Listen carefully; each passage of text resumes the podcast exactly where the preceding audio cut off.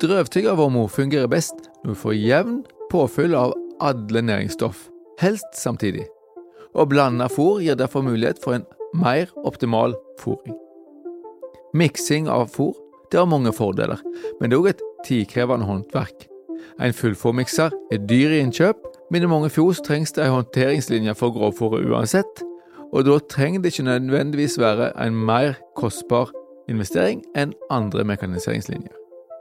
Det finnes mange varianter og muligheter for hva en kan blande, og hvor avansert en skal gå til verks, men det er òg fallgruver som vi skal passe på.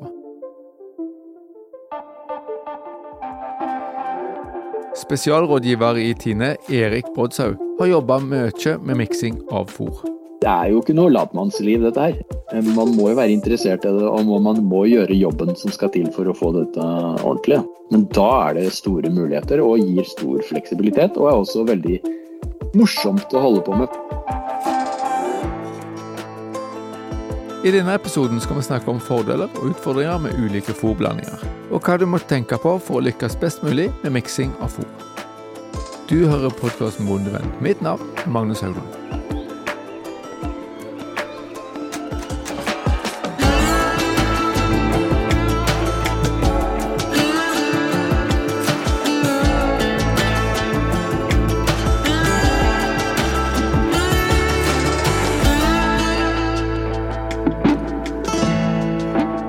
Podkasten Bondevennen blir presentert i samarbeid med Sparebank1 SR-Bank og Tveit Regnskap. Vi bidrar til at bonden lykkes. Begrepet fullfôr er egentlig en fôringsstrategi der du blander alle fôrmidlene kua trenger i én og samme blanding, og ikke gir noe ekstra kraftfôr i tillegg. Dette er ikke en vanlig strategi i Norge, men mange bruker fullfòrblandere til å lage ulike mikser og blandinger av fôr. Du hører nå Ingvild Steines Lutberget. Det er mange begreper og definisjoner, så for å ikke gjøre forvirringa komplett, så skal vi prøve å avklare det før vi går videre. Bare hør på Erik Brodshaug. Og da er det jo sånn at uh, hele fullfòr-begrepet, i hvert fall hvis du ser på den store verden, så er det jo det veldig ofte relatert til det som heter TMR, eller Total mixed Ration. Dvs. Si at du, du blander egentlig alle fòrmidlene i enten i en og samme miks eh, eller i flere mikser til eh, ulike grupper av dyr i besetningen. Så Det er jo det vi betegner som eh, total mixed version. Og så er det jo det som kanskje er det som er mest vanlig når man snakker miksing i Norge, som, som vi i Tina har valgt å kalle grunnrasjon, eller grunnblanding. Også supplert med kraftfôr enten i, i robot da, eller i, i kraftfòrstasjon på annen måte. Og det er jo det som kalles for PMR, eller partly mixed ration. Dvs. Si at du blander en stor del av rasjonen, og så supplerer du det med individuelt tildelt kraftfôr. Og den er jo blitt mest vanlig egentlig selv. Vi hadde, når jeg jobba med dette her for 100 eh, år siden, hadde jeg nær sagt, så, så var det jo faktisk noen som hadde TMR også i Norge. Uh, og, men de har jo stort sett kjøpt uh, melkerobot uh, i mellomtida, og da blir det jo på en måte å definere det som PMR. Og så kan man jo si at det blir jo sånn graderinger imellom her. For, for noen av de som hadde TMR i utgangspunktet og kjøpte seg melkerobot, de har liksom adaptert den litt danske tilnærmingsmetoden. Dvs. Si at de bruker stort sett ikke mer kraftfôr enn de klarer å lokke kyrne til roboten på en hensiktsmessig måte. Men så har du jo andre igjen da, som på en måte har eh, hovedsakelig grovfòr i miksen, kanskje supplert med noe, også, men bruker både robot i, i nei, kraftfôr i roboten og i tillegg eh, kraftfòrstasjoner. Så det er liksom et stort spekter, egentlig, i Norge. Og så er det jo klart det er mange som har vel eh, kommet til den konklusjonen at en mikser kan være ganske hensiktsmessig når du skal håndtere veldig store eh, grovfòrmengder, og, og, tenker at uh, uh, han stopper der, og at man stort sett bruker det til å blande grovfòr av ulike kalibre og ulike kvaliteter, ulike slåtter, for å få en så stabil grovfòrblanding som mulig på fòrbrettet. Vi kan kanskje forenkle det til tre varianter. Blanding av kun grovfòr, grunnblanding eller PMR som er tilsatt noen andre fôrmidler, men der de får noe kraftfôr i tillegg. Og så har vi jo da TMR, fullfôr, der alle fôrmidlene er i en og samme miks. Vi kommer ikke til å snakke så mye om TMR i denne episoden, siden det er lite aktuelt i Norge. Det er noen få som praktiserer det, men med små besetninger så er det vanskelig å få til en god fòring hvis alle skal ete det samme. Og med robot så må en helst bruke kraftfôr som lokkemiddel i roboten. Og da blir det jo egentlig en PMR, altså en grunnblanding vi snakker om. Men det mest vanlige her til lands, det er vel strengt tatt å bruke fullformiksene til å blande ulike grovfòrkvaliteter. Fordelen med å blande grovfòr eh, i en mikser er jo i tillegg til at du kan blande ulike grovfòrkvaliteter, gjerne for å få en mer stabil uh, grovfòrkvalitet. Eh, si at du har noe bløtt, du har noe tørt, du har noe førsteslått, du har noe tredjeslått, og så ønsker du å, å, kombinere det på best mulig måte gjennom hele sesongen. Det er jo én fordel.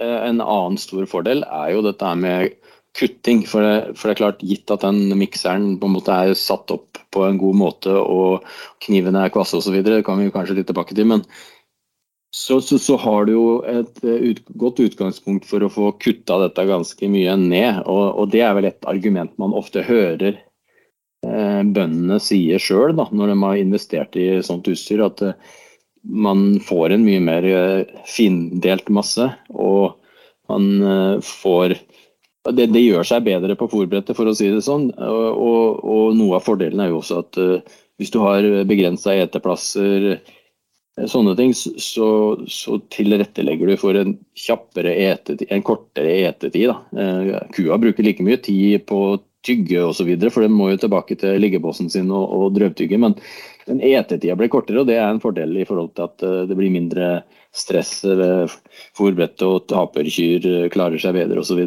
Dette er jo viktige poenget. Det er å få kutta fôr ned og blande i lag ulike kvaliteter av grovfòr. Det gir ofte et høyere fôropptak. Og vi slipper å få så store svingninger fra fòring til fòring hvis vi må bruke ulike slåtter og ulike kvaliteter. Alt blandes jo i vommo, er det noen som sier, men det forutsetter jo at de eter alt de får tildelt, helst på samme tid. Ja, og hvis vi har noen feiligere baller eller fôr som ikke er like appetittlige, så er det jo ikke sånn at de vil gå og ete av det hvis det ligger kjempegodt fôr rett på sida av. Selvsagt så vil vi at alt skal være toppkvalitet, men så er det jo sånn at det ofte så har en en og annen ball med litt dårligere smak. Og da vil jo det å blande alt i sammen kamuflere dette litt. Kutta fôr blir jo også mer hygienisk i fjoset og lettere å håndtere. Kasting av fôr det er jo et issue når du har gra langt gras, og selv med en, eh, en eh, rundballkutter som er litt sånn halv halvslitt, så blir det jo nokså langt åkke eh, som åssen du håndterer det. Og det at de står og kaster opp fôr, og det havner fôr alle veier og inn på eh, spaltearealer og gjødselganger osv. som kommer i eh, gjødselsystemet, det er jo et veldig argument for mange. Det er i hvert fall det man hører titt og ofte. Fôr på spaltene det gir mye ekstraarbeid, og så er det kjedelig. Hvis vi skal ta blandingen til neste nivå, så kan vi tilsette noe mer enn bare grovfôr. Da får vi det vi kaller en grunnblanding, eller PMR. Det vil si at en del av kraftfôret er i en miks, mens resten blir tildelt i robot eller kaffeautomat, eller med manuell tildeling. Så er det aktuelt i båsfjos. Når en drøvtygger får et større måltid med kraftfôr i seg, så vil det produseres ganske mye propionsyre i vomma på en gang. Og propionsyre, for de som husker tidligere fôringsepisoder, det er den sterkeste av de tre syrene som det produseres mest av i vom. Og da får vi et større fall, altså et større dropp i pH, og det tar lengre tid før pH kommer opp igjen der som mikrobene fungerer best. Det er derfor det anbefales å gi små porsjoner med kraftfôr og fordele dette utover døgnet. Fordi blir det for surt over lengre tid, så blir fordøyelsen dårligere, og i verste fall så kan dyra bli syke. Så hvis vi blander en del av kraftfôret inn i grovfòrmiksen, så vil dette kraftfôret fordeles jevnt utover døgnet, og vi unngår så store svingninger i pH-en. Og få et bedre vannmiljø. Kua skal i større grad få en god miks av både grovfòrmidler og kraftfòrmidler samtidig. Eh, for vomma, ikke sant? at du skal ha nok fiber, nok råprotein, nok eh, stivels på en og samme gang, som er på en måte synkronisert mot vomma og vomomsetninga. Du skal få alt samtidig, og ikke sånn som du gjerne får hvis du spiser grovfôr ett sted, og så skal du få ganske store kraftfòrmengder i en, i en fòrstasjon f.eks. At du får det liksom i store batcher. Eh, det er jo hele grunnfilosofien. Eh, at eh, vomma trenger alle næringsstoffer hele tiden og jevnt gjennom døgnet. Det er jo bakgrunnen. Så det blir en mer optimal fôring når vomma blir fòra med en god balanse av næringsstoffet til enhver tid. Hvordan en skal gå fram for å sette opp en miks, det er avhengig av flere ting. Tilgang på grovfôr av ulike kvaliteter, tilgang på andre fôrmidler, og ikke minst hva som passer i egen produksjon. Vi har snakka med melkeprodusent Asker Pollestad fra Nærbø. Han har lang erfaring med å lage miks. Han hadde bestemt seg allerede før han bygde fjos om at dette skulle han holde på med. Han skulle legge opp til blanding av fôr tankesett egentlig rundt uh, fjoset når jeg bygde det. Uh, bygde uten, bevisst uten kraftfòrautomater og med, med bredt forberedt, uh, så du kunne ha det på en måte fleksibelt. I Askers tilfelle så har han god tilgang på grovfòr, så målet er å bruke minst mulig kraftfôr. I mitt tilfelle så har jeg mye grovfòr tilgjengelig. Da kan jeg tillate meg eh, relativt hyppige slåtter der volumet ikke på en måte det er hovedbestreber etter, det er kvalitet.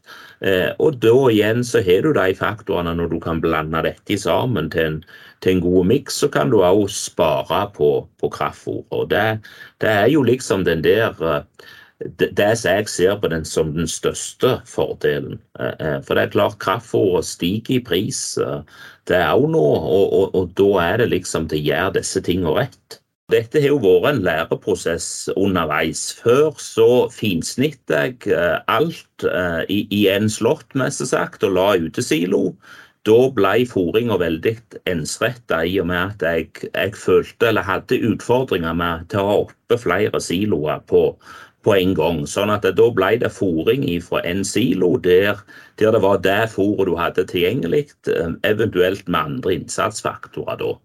Så i en senere tid så har jeg nå gitt over til rundballer. Eh, og da føler jeg at det er en større fleksibilitet der i forhold til å klare å lage litt de kvalitetene du er ute etter. Eh, sånn som nå så er det jo veldig inn i tida i forhold til å dyrke mest mulig av fôret som du bruker i fjoset på egen hånd. Eh, konklusjonen min rundt det er at det er på grovfôr jeg er mest å vinne der. Så nå, nå bruker jeg jo eh, mest sagt en strategi i forhold til fire slåtter. Få et proteinrikt og godt fôr. Eh, eh, som gjør at jeg har en strategi til å bruke minst mulig innkjøpt kraftfôr, egentlig. Så det er på en måte utgangspunktet og, og fordelen med dette. Hva som skal blandes i sammen i miksen, må regnes på, og gjerne med hjelp av en rådgiver hvis du ikke selv har stålkontroll på Optifor eller annet fòrberegningsverktøy. Det vil være stor forskjell på hva du har oppi ut ifra hvilken grovfòrkvalitet du har å spille på. Eh, helt konkret så, så bruker jeg eh, eh altså korngrøp bygg, er det det det heter, som, som litt kraftfôr inni. I, i bånn av rasjon, kan jeg vel kanskje kalle det. Ca. to kilo per ku. Eh, så bruker jeg Akkurat nå bruker jeg ikke halm, men jeg bruker halm hvis det er nødvendig til å få inn litt struktur. Eh, litt mineraler. Og så blander jeg eh, to baller første slått f.eks. nå, og en balle tredje slått og en balle andre slått. Altså fire baller til, til kyrne hver dag. Eh, eh, og dette er jo satt opp i forhold til jeg bruker fôringsrådgiver Tine, så der vi diskuterer både hva fôr har tilgjengelig, og, og hvordan vi da kan utnytte det best mulig og sette det sammen. Hvor mye kraftfôr vi skal opp i miksen, det kommer an på flere ting. Selvsagt har grovfòrkvaliteten betydning for hvor du skal oppi, men også hvor høy produksjon du har i besetningen. Erik Brodshaug er opptatt av at vi skal tilpasse miksen til ytelsesnivået i flokken din. Hele fullfòrtankegangen er jo laga sånn at, man, at kyra skal styre opptaket også etter behov, på en måte, litt mer. For man optimerer jo ikke for at kyrne skal mjølke over 40 kg på topp, liksom. Man optimerer jo typisk for at de skal mjølke rundt gjennomsnitts, eh, kanskje gjennomsnitt i besetningen og pluss-minus noen prosent. Det er en sånn vanlig måte å optimere på. Og da, da sier det seg sjøl at når kyrne mjølker mer, så, så, må de ete mer hvis de klarer å få i seg nok fôr til å forsvare mjølkeproduksjon, toppytelsen i laktasjon. Og tilsvarende da når man begynner å havne utover i laktasjonen, så, så, da, så eter man mindre, og, og, og, det vil tilpasse seg laktasjonskurven. Og så er det klart at det er vel noe med Jo mer du kjører på det her prinsippet, og jo, jo mer ekstremt du du tilpasser et sånt fullfòr-tankesett, så, så, så, må det jo være i, i tråd med, med dyrematerialet og ytelsen. Eh, ikke sant? Eh, mjølke, mjølkeraser er jo generelt bedre egnet til å holde oppe ytelsen utover i laktasjonen, og så, sånn sett ikke så utsatt for det her med overfòring. Mens eh, kanskje vår kombinasjonsku, som er fantastisk på noen måter, med at du kan i både mjølk og kjøtt, men, men, hun har jo en lei tendens til å begynne å leire på seg litt mye fett uh, utover laktasjonen. Og da må man passe på litt, da. Så det gjelder å tilpasse eh, der du ligger og, og det ytelsesnivået du typisk har i besetningen. Hvor sterk miks du skal lage, altså hvor stor andel av kraftfôr du skal tørre å ha oppi miksen, og hvor mye som skal tildeles separat, det er også avhengig av hvor mye variasjon det er mellom kyene. Har du et stort spenn i ytelsen, altså at noen melker veldig godt, mens andre melker en god del mindre, så er det vanskeligere å lage en miks som passer for alle. Lager du en miks som f.eks. skal tilsvare 25 liter melk, og så skal du tildele kaffe til alt de melker over det, men har mange kyr som gjerne bare ligger på 20, så vil jo disse fort bli feite. Hvis du har stor variasjon, så bør du jo ikke eh, overgå deg sjøl, eller pushe for mye. Da. Det er jo litt lett å bli litt uh, ivrig og kanskje se på de som har drevet med dette her i mange år, og, og la seg lede litt til å kjøre litt uh, tøffere enn det man kanskje uh, har grunnlag for, både genetisk og i forhold til de fòrmidlene man har for øvrig. Da. Så Anbefalinga er vel egentlig å være nøye med å se på hvor man står og hva som er grunnlaget. Og så får man optimere styrken på miksen deretter. Og så får man heller øke litt jevnt og trutt eh, opp fra der, men ikke begynne for høyt. For da, da tror jeg det er lett å gå på en skikkelig smell. Og det har vi vel noen erfaringer med.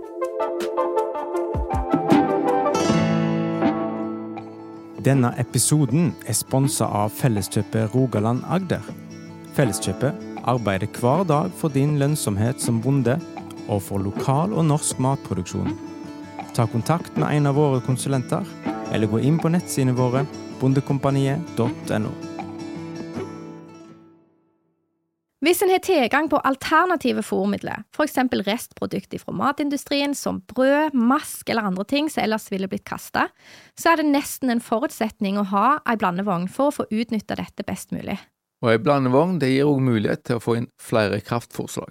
Men da har du jo til gjengjeld en, en, en, positiv ting med at du kan ha i noe kraftfôr som er synkronisert med grovfòret. Og så har du jo det at eh, det er jo en veldig fin måte å, å tildele flere kraftfôrslag på. Det jo, har jo vært eh, mye argumentert at flere og flere burde egentlig ta i bruk to kraftfôrslag. Et som er liksom beregna for topplaktasjon, og, og et mer basiskraftfôr som på en måte er en tilskudd til grovfòret gjennom hele laktasjonen.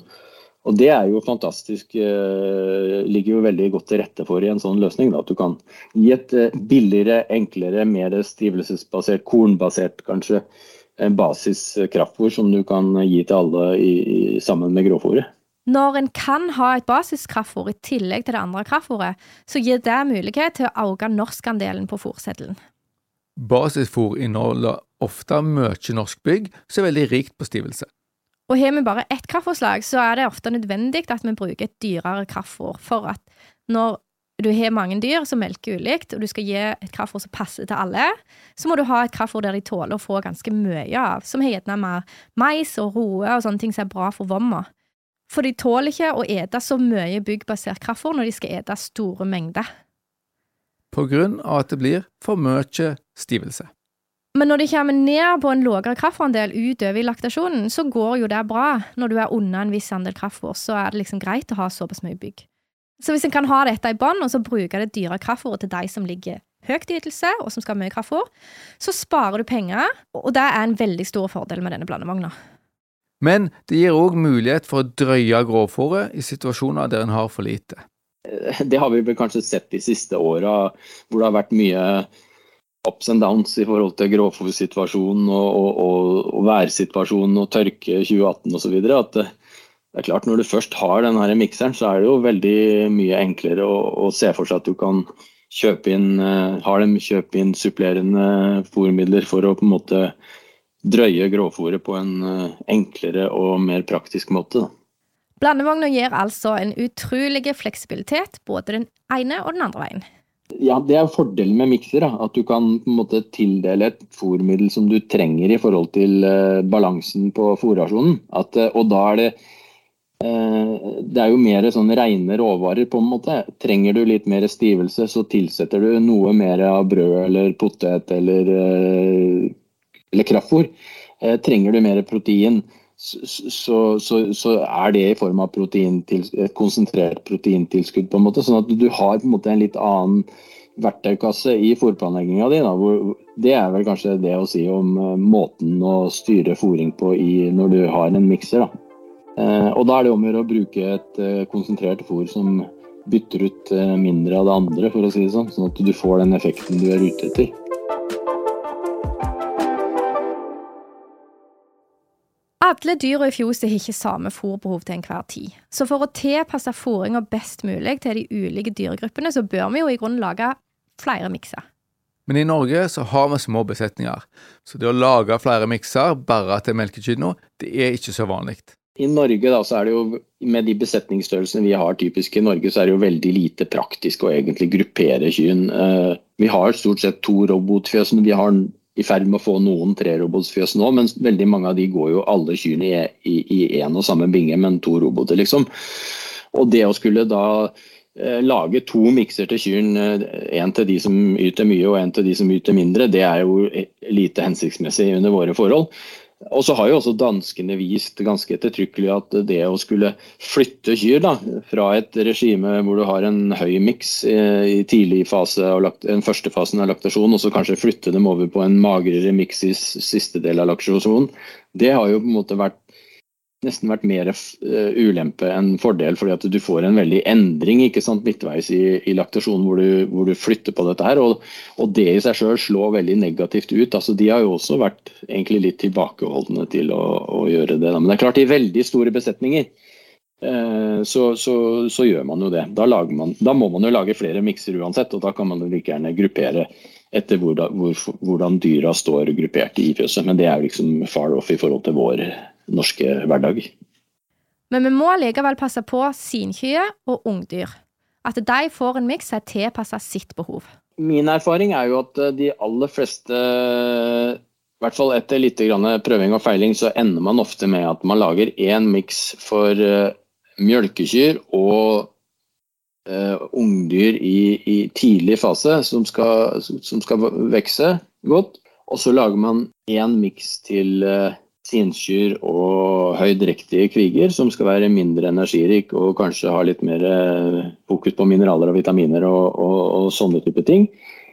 Eh, og så blir det litt sånn imellom, så blir det litt sånn tilpasning eh, med eventuelt litt kraftfôr, eller at man lager en litt egen løsning. sånn at noe særlig mer enn to ulike mikser er det ikke så veldig mange som, som lager seg. Sinkumiksen eller gjeldkumiksen skal være tilpasset behovet til kua i gjeldperioden, med fokus på å fylle vomma uten at de legger på seg, og rett tilførsel av vitaminer og mineraler de har behov for rundt kalving.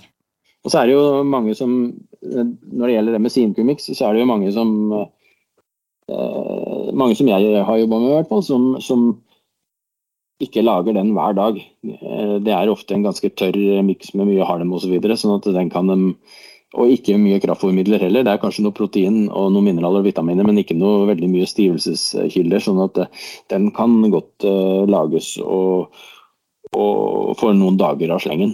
Sånn at man kan uh, slippe å lage den hver dag. For de som bruker forskjellige mineraler, salt, proteiner og andre ting som skal tilsettes i små mengder, så kan det være aktuelt å blande dette sammen på forhånd. Og det kaller vi for en premiks. Det blir jo veldig tungvint å skulle blande opp en skope av det og en halv bøtte av det, og så skal du hive det opp i en stor miks. Eh, for å slippe å gjøre det hver dag, så, så, kan det være lurt å putte alle de mindre bestanddelene sammen og blande det i mikseren og lage det som en premiks. Eh, du har noen mineraler og vitaminer, du har noe kalk, kanskje noen har brukt i tillegg eh, i perioder. Og så har du noe salt, og så har du noe ja, litt forskjellig småtteri. For at blanding av fôr skal bli en suksess, så er det kjempeviktig at alle ingrediensene er godt sammenblanda i miksen, sånn at kyrne ikke klarer å sortere. De er utrolig flinke på å snuse seg fram til det beste fôret, og dermed la det mindre smakelige ligge igjen. Og det kan føre til større forskjeller i flokken. Noen får gjerne i seg altfor mye av kraftfôret, de kan jo bli sure i vomma, eller de blir feite. Og at andre de får i seg altfor lite og blir tynne. Det første du ser, er jo selvfølgelig at eh, ganske kort tid etter at man har levert en ny miks, så ser du jo fort at det begynner å bli groper, og at kyrne står og ruller med nesa og prøver å finne ut eh, noen godsaker. Og det gjør de jo ikke uten grunn, det gjør de jo fordi at de klarer å få separert ut eh, fôr. Så eh, det beste er jo om kyrne bare jafser fra toppen og bare står og gomler i seg uten at det blir disse her store gropene da, som man sorterer i. Det er jo det første du ser det på. Eller så kan det jo være greit, og, vi som uh, jobber med rådgivning i sånne besetninger, vi eh, liker jo gjerne å bruke de her uh, Penstate-boksene eller de her ristekassene eller sorteringsboksene, eller kall det hva du vil, som er rett og slett noen plastbokser med, med ulike sols, med ulike lengde. Det er vel 19 mm, og så er det vel 8 mm, og så er det vel 1,2 mm eller noe sånt. I, og, og da ser du jo veldig godt, hvis du tar en risteprøve eh, av det fôret som ligger der som kyen eh, når det, og så du tar en risteprøve av det fôret som er ny, nyutfôra fôr f.eks., eller det som ligger som er urørt av kyr, så ser du jo veldig fort at det er uh, vesentlig forskjell. Og det, den forskjellen du ser, er jo at de lange stråpartiklene blir utelatt, og, og, og blir uh, sortert bort. Og de fine partiklene blir sortert bort. Og det er klart, hvis den miksen er sånn passe snill, eller PMR med ikke altfor mye kraftfôr, så, så, er det kanskje ikke nødvendigvis så stor skade skjedd hvis, hvis, det skjer. Men jo sterkere denne miksen er, jo større, større, risiko er det jo for at uh, dette skal gå alvorlig gærent. Sortering er kanskje den største utfordringa med blanding? De som gjerne skal ha mye, og som kanskje trenger mye mat, de, kommer, de er jo nokså stressa, de er i høy produksjon. De går fram til fòrbrettet og jafser i seg så mye de klarer. Mens de som eh, og, og, og, og hvis de da kanskje, hvis det er kviger f.eks., så kommer de kanskje litt etter de som har pella ut de fineste bitene, og får egentlig sånn sett for dårlig dekning. Mens de da som, som, har god tid, som ikke er så høy produksjon, de er eksperter på å trille ut og finne, sortere ut og finne godsakene. Og, og da blir det jo veldig utilsikta. Så det er veldig viktig i, i en sånn mikspraksis at du får bukt med sorteringsfaren. Også. Men med god kutting, rett rekkefølge i blandinga og rett torstoff, så begrenser du faren for sortering. Da får vi det som vi kaller en homogen blanding at de får i seg alle fôrmidlene i hvert jafs de tar.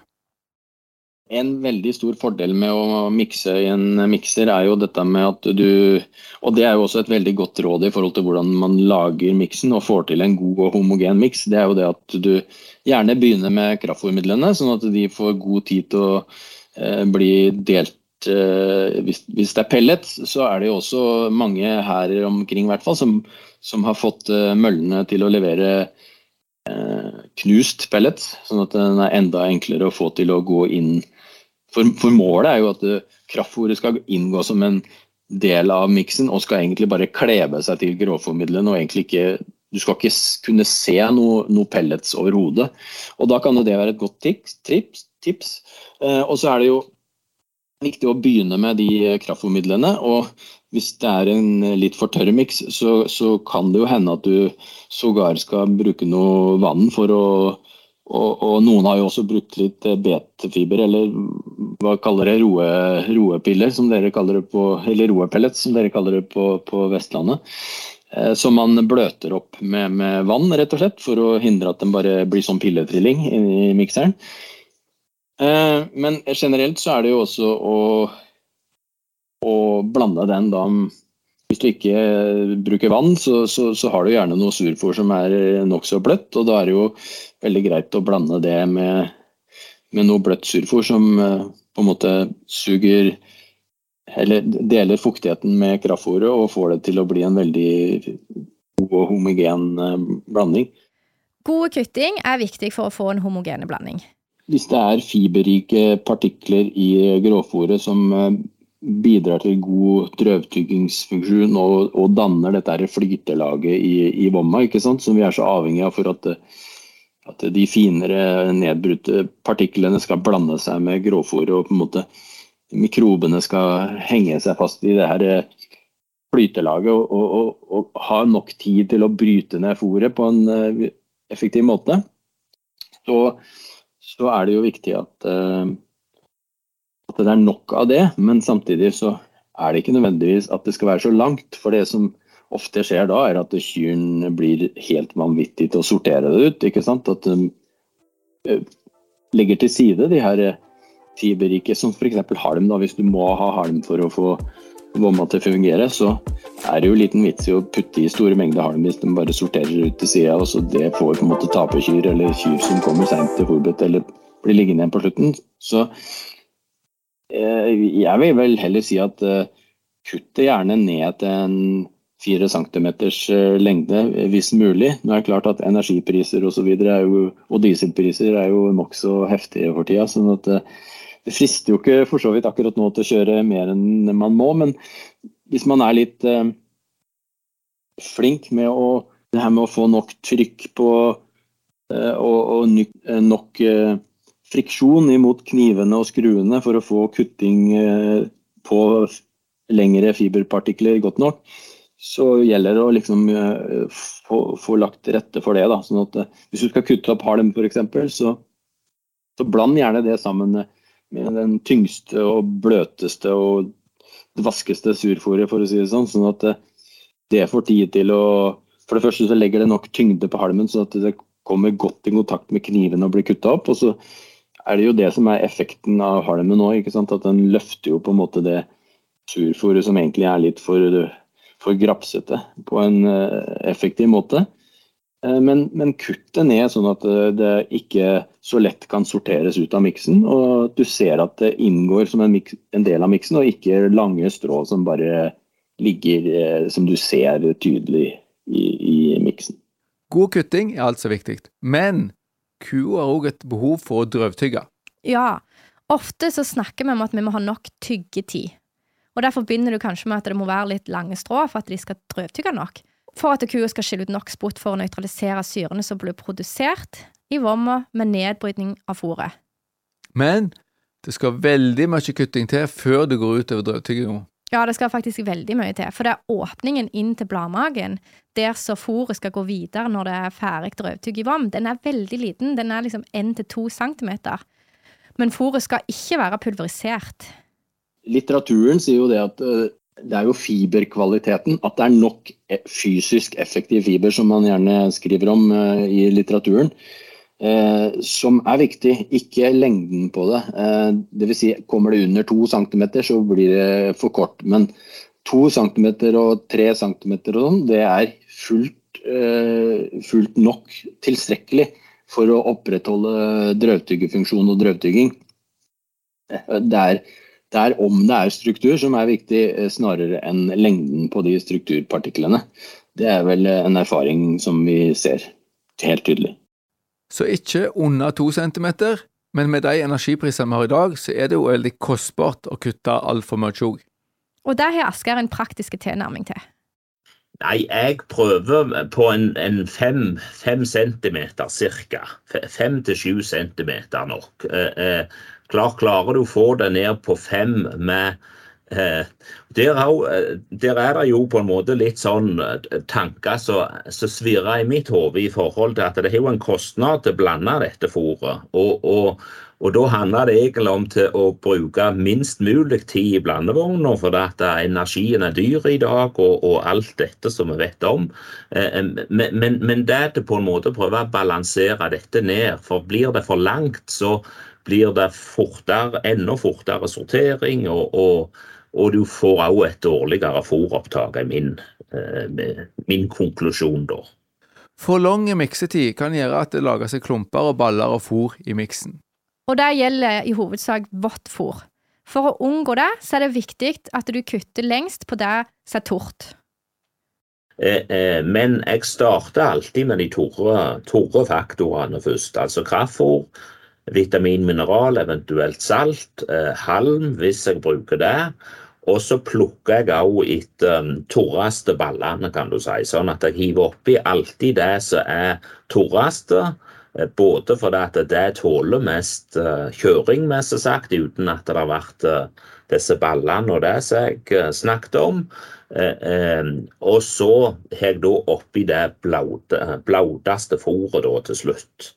Sånn at det får kortest mulig blandetid. For et blaut fôr det river seg som regel fòrere opp òg. Et tortfôr det trenger litt mer håndtering for å liksom kuttes opp. Eh, eh, så, så, så, rent sånn praktisk så eh, små tørre partikler først, og så arbeider du deg oppover med det blauteste til slutt. Og så er rett torstoff i miksen òg viktig for å unngå sortering. Det er jo litt sånn som en surfòr, at 35% det er vel kanskje eh, det som stimulerer eh, opptaket best, og som på en måte er det mange sikter på. 40% kan man vel sikkert eh, med fordel eh, leve godt med, men noe særlig over 40 tørrstoff i en sånn miks, det vil ikke jeg anbefale, i hvert fall. For da, da risikerer du det at det triller ut kraftfôr, og, og, det blir verre å holde denne miksen sammen. Og, og det som danskene betegna som kompakt fullfòr, det gikk jo på det at man skulle prøve å få ned tørsteprosenten til under 40 og ned mot kanskje 35 da, for, å, for å nettopp sikre det at alle kyr uansett uh, får uh, akkurat den samme blandinga. Så har du vært flink med spatlerivet og lagd et veldig tort og godt grovfòr. kan det være nødvendig å tilsette vann for å få en homogen miks. Og da føles det kanskje litt bortkasta å ha tørka gresset og jobba så hardt for å få dette her torre grovfòret inn i rundballen. Men du må huske på hvor mye plastikk du sparer, og pressekostnader du sparer, på å heller fylle vann rett i fullforblanderen. Eller eventuelt blande med noe blaudere fôr. Og så er det viktig at kraftfôret får løst seg skikkelig opp. Bare hør på Asker sin erfaring. Bruker du pellet, så, så er du mest avhengig av til, til egentlig ha litt væske oppi det først for å løse det opp. For likevel så, så skal det ikke mye til før, før, det blir roting, og da ser du disse hullene. Altså, du er fort ut, og så går du tilbake. Altså, om et par timer så ser du gjerne fullt av hull i, der som fôret ligger. og Det er liksom sånn typisk tegn at dyra borer seg ned. Og så finner du kanskje kua igjen med litt laus og mage ute i fjoset. Så, så, så, så, det er jo det vi hele tida prøver å unngå, iallfall. Og så er det kjempeviktig at du vet torstoffet i de ulike grovfòrkvalitetene du har, og at du tar hensyn hvis det er endringer i torstoff når du tar inn et nytt parti med håndballer, eller hvis det kommer regn på plansiloen. For det er klart at eh, tørrstoffet kan jo variere veldig fra parti til parti, og ikke minst hvis du har en plansilo f.eks. og det er eh, bøttevis med regn, eh, så kan jo det også påvirke tørrstoffinnholdet ganske vesentlig i det surfòret. Og hvis du da bruker den samme vektmengden som du ellers ville brukt, så bommer du stygt, for å si det sånn. Eller du kan bomme ganske stygt. Og det gjør ganske mye, hvis du begynner å se, regne litt på det. Eh, hvis du bommer ganske mye på tørrstoffinnholdet i det surfòret, som utgjør da en vesentlig Og jo mer I Norge så utgjør det ofte en veldig stor del av den blandinga. Og da vil jo det påvirke hele energikonsentrasjonen og proteinbalansen og alt mulig i den rasjonen. Så det er nok noe man må være litt eh, flinkere med. Det finnes ulike typer fullforblandere på markedet. Det finnes både vertikale og horisontale blandere, og det refererer til hvordan skrua står oppi blanderen. Den mest vanlige blandetypen i Norge i dag er jo vertikalblandere. Med oppad, eller uh, skruer som står, med litt forskjellige karakteristikker i forhold til uh, gjenge, hva skal vi kalle det, gjengestørrelse og, og antall kniver osv. Og, uh, og så er det jo én og to og tre skruer som står opp og ned. Uh, og da er vel generelt å si om det at uh, Eller det mest karakteristiske med en vertikalblander er at du må ha nok uh, fylle da, i blanderen. Du må ha nok tyngde, sånn at du får Sånn at du får nok friksjon mot skruen som går rundt og knivene som tygger gjennom materialet. For ellers så går det bare rundt og rundt og bare danser oppi der. Så det, det er vesentlig. Og så er det jo det å si at er en sånn enkeltskrue kontra dobbeltskrue det sier seg i grunnen sjøl at når du har en enkeltskrue, så er det lettere at det går rundt og rundt enn når du har en dobbeltskrue. For når du har dobbeltskrue, så er det jo et, et, område i midten mellom de to skruene hvor det utveksles fôr, sånn at du får en bedre sirkulasjon i blanderen. Altså, Istedenfor å kjøpe en, den største typen av enkeltskrue, så kjøp heller uh, en mindre variant av den med dobbel skrue med samme volum. Det er et veldig tydelig råd, egentlig. Eh, dels blir den jo lavere og lettere å laste i, og, dels så fungerer den vesentlig bedre i forhold til hvordan den blander. Så det, og det er vertikal eh, blandere, ja. Og så har vi jo ulike typer av horisontalblandere. Vi har jo både skrueblandere der òg, som, som, på en måte er eh, litt forskjellige varianter, men liggende skruer som ligger i i bånn av uh, miksekammeret, og som skrur og, og, også har kniver på seg. Skrur materialet gjerne framover. Og så uh, er det Det kan være noen skruer som drar det bakover igjen, eller det kan være bare trykket som, som gjør at materialet faller tilbake. eller så har du jo Men dem er ikke så vanlige. Det fins vel noen varianter på markedet. Og så har du de her padel- eller haspelblanderne som, er, som går rundt som en sånn slags eh, vasketrommel. Dvs. Si at den går rundt og rundt. og eh, det, det, er vel det å si om dem at eh, mens eh, vertikalskrueblanderne uh, de må være fulle, eller de skal helst være utnytta maksimalt for at de skal gi god tyngde og god miksing. Så er det sånn at de haspelblanderne som er som en vaskemaskin, det blir akkurat som du fyller en vaskemaskin full med tøy, så, så vasker det veldig dårlig.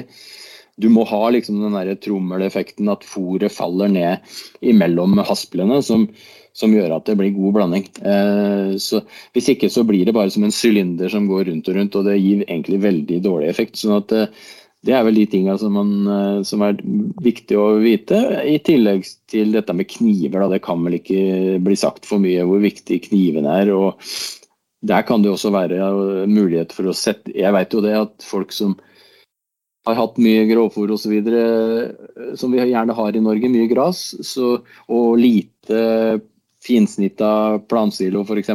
Vi har jo mye rundballer. Og det å da også kunne sette inn eh, mye kniver og få kutta dette effektivt eh, er ekstremt viktig. Så sørg for å ha nok kniver og kvasse kniver. Det gjør eh, natt og dag egentlig i forhold til både miksetid og, og, og kvaliteten på miksen. Så den viktigste forskjellen på disse typene er kanskje hvor mye du skal stappe oppi om gangen? Og uavhengig av hvilken blander du har, så er skarpe kniver alfa og omega. Å ha et veldig grovt kutta fôr oppi blandevogna, det gir veldig stor slitasje på blanderen. Så det er fortsatt viktig å ha god kutting i rundballepresset òg? Ja, i utgangspunktet så er vel ingen av blanderne laga for uh, rundballer, selv om noen liker å si det. Uh, og det tror jeg man skal ha litt uh, respekt for. for at jeg husker jeg var på en sånn demo en gang i Norge når disse, rundball, nei, disse blanderne kom til Norge for fullt. og Da var det liksom en som rekl da reklamerte med at hun kunne pulle, putte fem rundballer i mikseren og så starte opp traktoren, liksom. Og Da var det om å finne den største traktoren og gi til det så, så svartrøyken sto, på en måte. og Det var jo litt flott og, og fancy. Men eh, jeg tror du skal være veldig forsiktig med det. Altså, for at eh, selv sånne vertikalmiksere som de gjør seg ikke godt med, med masse rundballer og, og, eh, jeg tror veldig mange har lært seg det at uh, å hjelpe til litt med å riste opp disse rundballene i en mikser og kjøre det litt skånsomt med én og én rundball, det tror jeg du tjener i massevis i forhold til levetida på, på, på mikseren.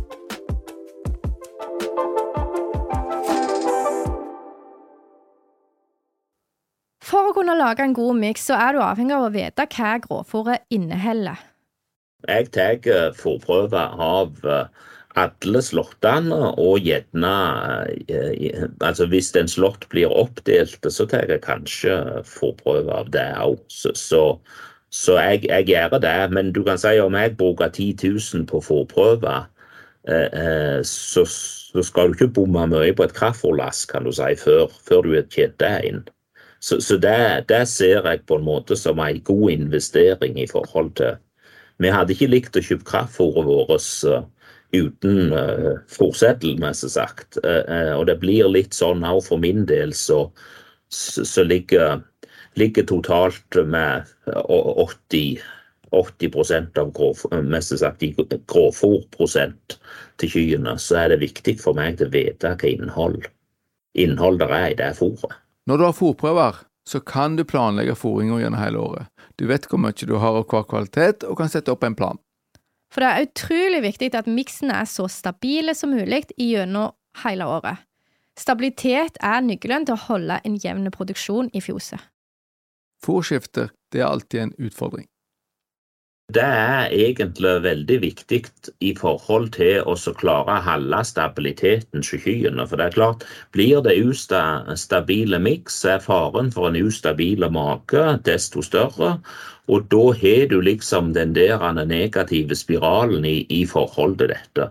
Vi vet at storfe de liker stabilitet på, på alle vis, mest sagt, og det vet vi er jo likt i fôringa òg. Sånn at, at Eh, det er viktig til å bestrebe at den er mest mulig lik for å holde denne stabiliteten. Det, for, for det, eh, En ting er at du ser det visuelt på magen. Du kan finne det igjen i tørrstoff i melka. Altså, det, det, er mange faktorer her. Så, så, så vi vet at har du stabilitet i fôringa, så, så har du et mye bedre grunnlag, produksjonsgrunnlag. da.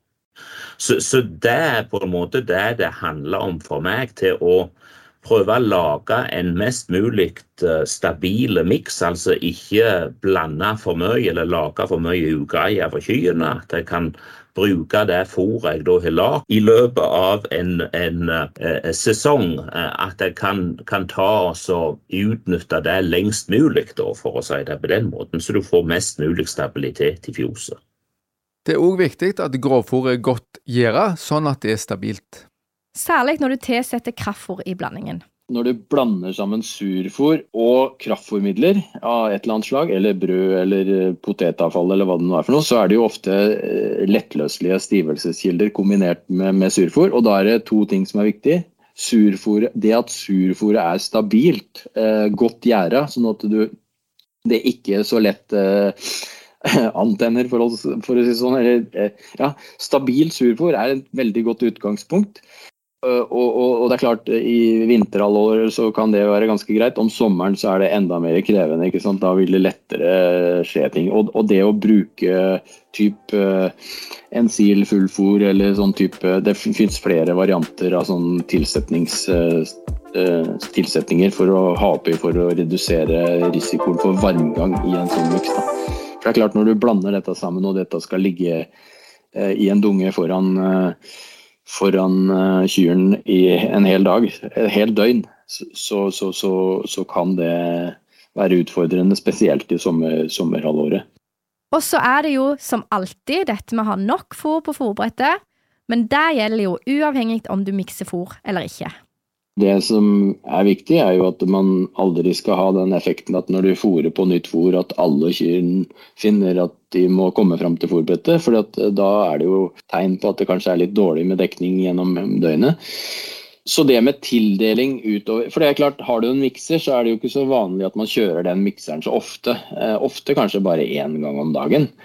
Eller kanskje to. De aller fleste mikser jo én gang om dagen, i hvert fall i Norge så er det sånn. Og da tidligere, i hvert fall de, mange av de som jeg kjenner som har en mikser, de fòrer jo da ut den miksen når de er ferdig med å mikse den. Og så bruker de jo da selvfølgelig eh, diverse skraper eller eh, roboter som går og så skyver denne miksen til hele tiden.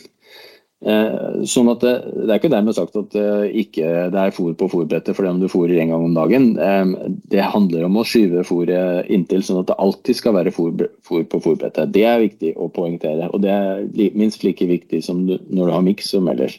Fôring er et stort tema, og i dag har vi prøvd å fokusere på den delen som går på blanding og miksing av fôr. Men det er mange veier til rett fôring, og i dag har vi bare prøvd å belyse fordelene og utfordringene med miksing. Uansett fôringsregime så har fôring stor innvirkning på helse og produksjon hos kyrne. Og det er viktig å gjøre det rett, ikke bare på kort sikt for produksjonen som endrer seg fra dag til dag, men fordi det har effekter på lang sikt. Eh, fôring er jo det er ikke sånn at du nødvendigvis ser resultatet neste dag av, av en ting du gjør. Så, så, det er klart, hvis du underfòre over en lengre periode, så kan du jo pådra deg en del uh, følgesykdommer av det. Så, så, så, det er litt det der eller Det er litt derfor jeg ønsker å ha med meg denne her fagkompetansen, sånn at vi kan være sikre på at det vi gjør, er rett i, i nå og i et litt lengre perspektiv. Så lag et opplegg du klarer å gjennomføre hver dag. Sånn at kyrne får jevne, stabile fòring uten brå endringer, og for mange fôrskifter kan være lett å optimere en teoretisk optimal miks, men, men, til sjuende og sist så handler det om å finne den miksen som du klarer å gjennomføre ikke sant, i det daglige arbeidet. Eh, og det er kunsten her. Så til 1000-kronerspørsmålet. Lønner det seg å investere i en fòrmikser? Og der er det nok like mange svar som det er ulike produsenter.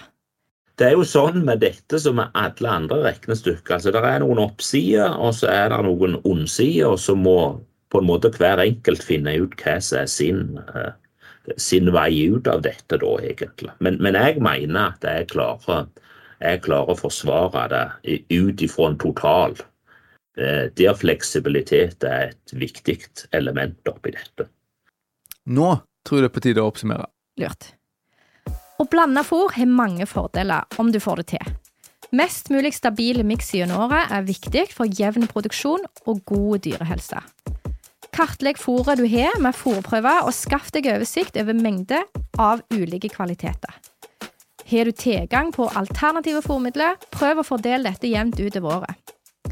God kutting, ikke under 2 cm, og tørrstoff på rundt 35% Det er viktig for å få en homogene miks, og unngå sortering. Bland de tørre ingrediensene først. De tåler lengst blandetid. Og jobb deg videre med det våteste til slutt. Pellets der må blautlegges for at det skal løse seg opp. Tilpass styrken på miksen etter ytelsesnivået i besetningen, og sørg for at det er nok effektiv fiber, sånn at du får et godt vannmiljø. Har du for stor variasjon i ytelse mellom kyene, så bør ikke miksen være for sterk. Da blir de lågtytende fort feite. Du har hørt på podkasten Bondevennen. Mitt navn er Ingvild Steines Luteberget. Og til daglig er jeg rektor ved Vinterlandbruksskolen i Ryfylke. Og Mitt navn er Magnus Haugland. Jeg er lærer med Vinterlandbruksskolen og rådgiver i Norsk landbruksrådgivning Rogaland. Har du spørsmål eller tilbakemeldinger, send e-post til podkast.bondevennen.no. Episoden er spilt inn i ABC Studio i Etne. Lyd ved Stig Morten Søre.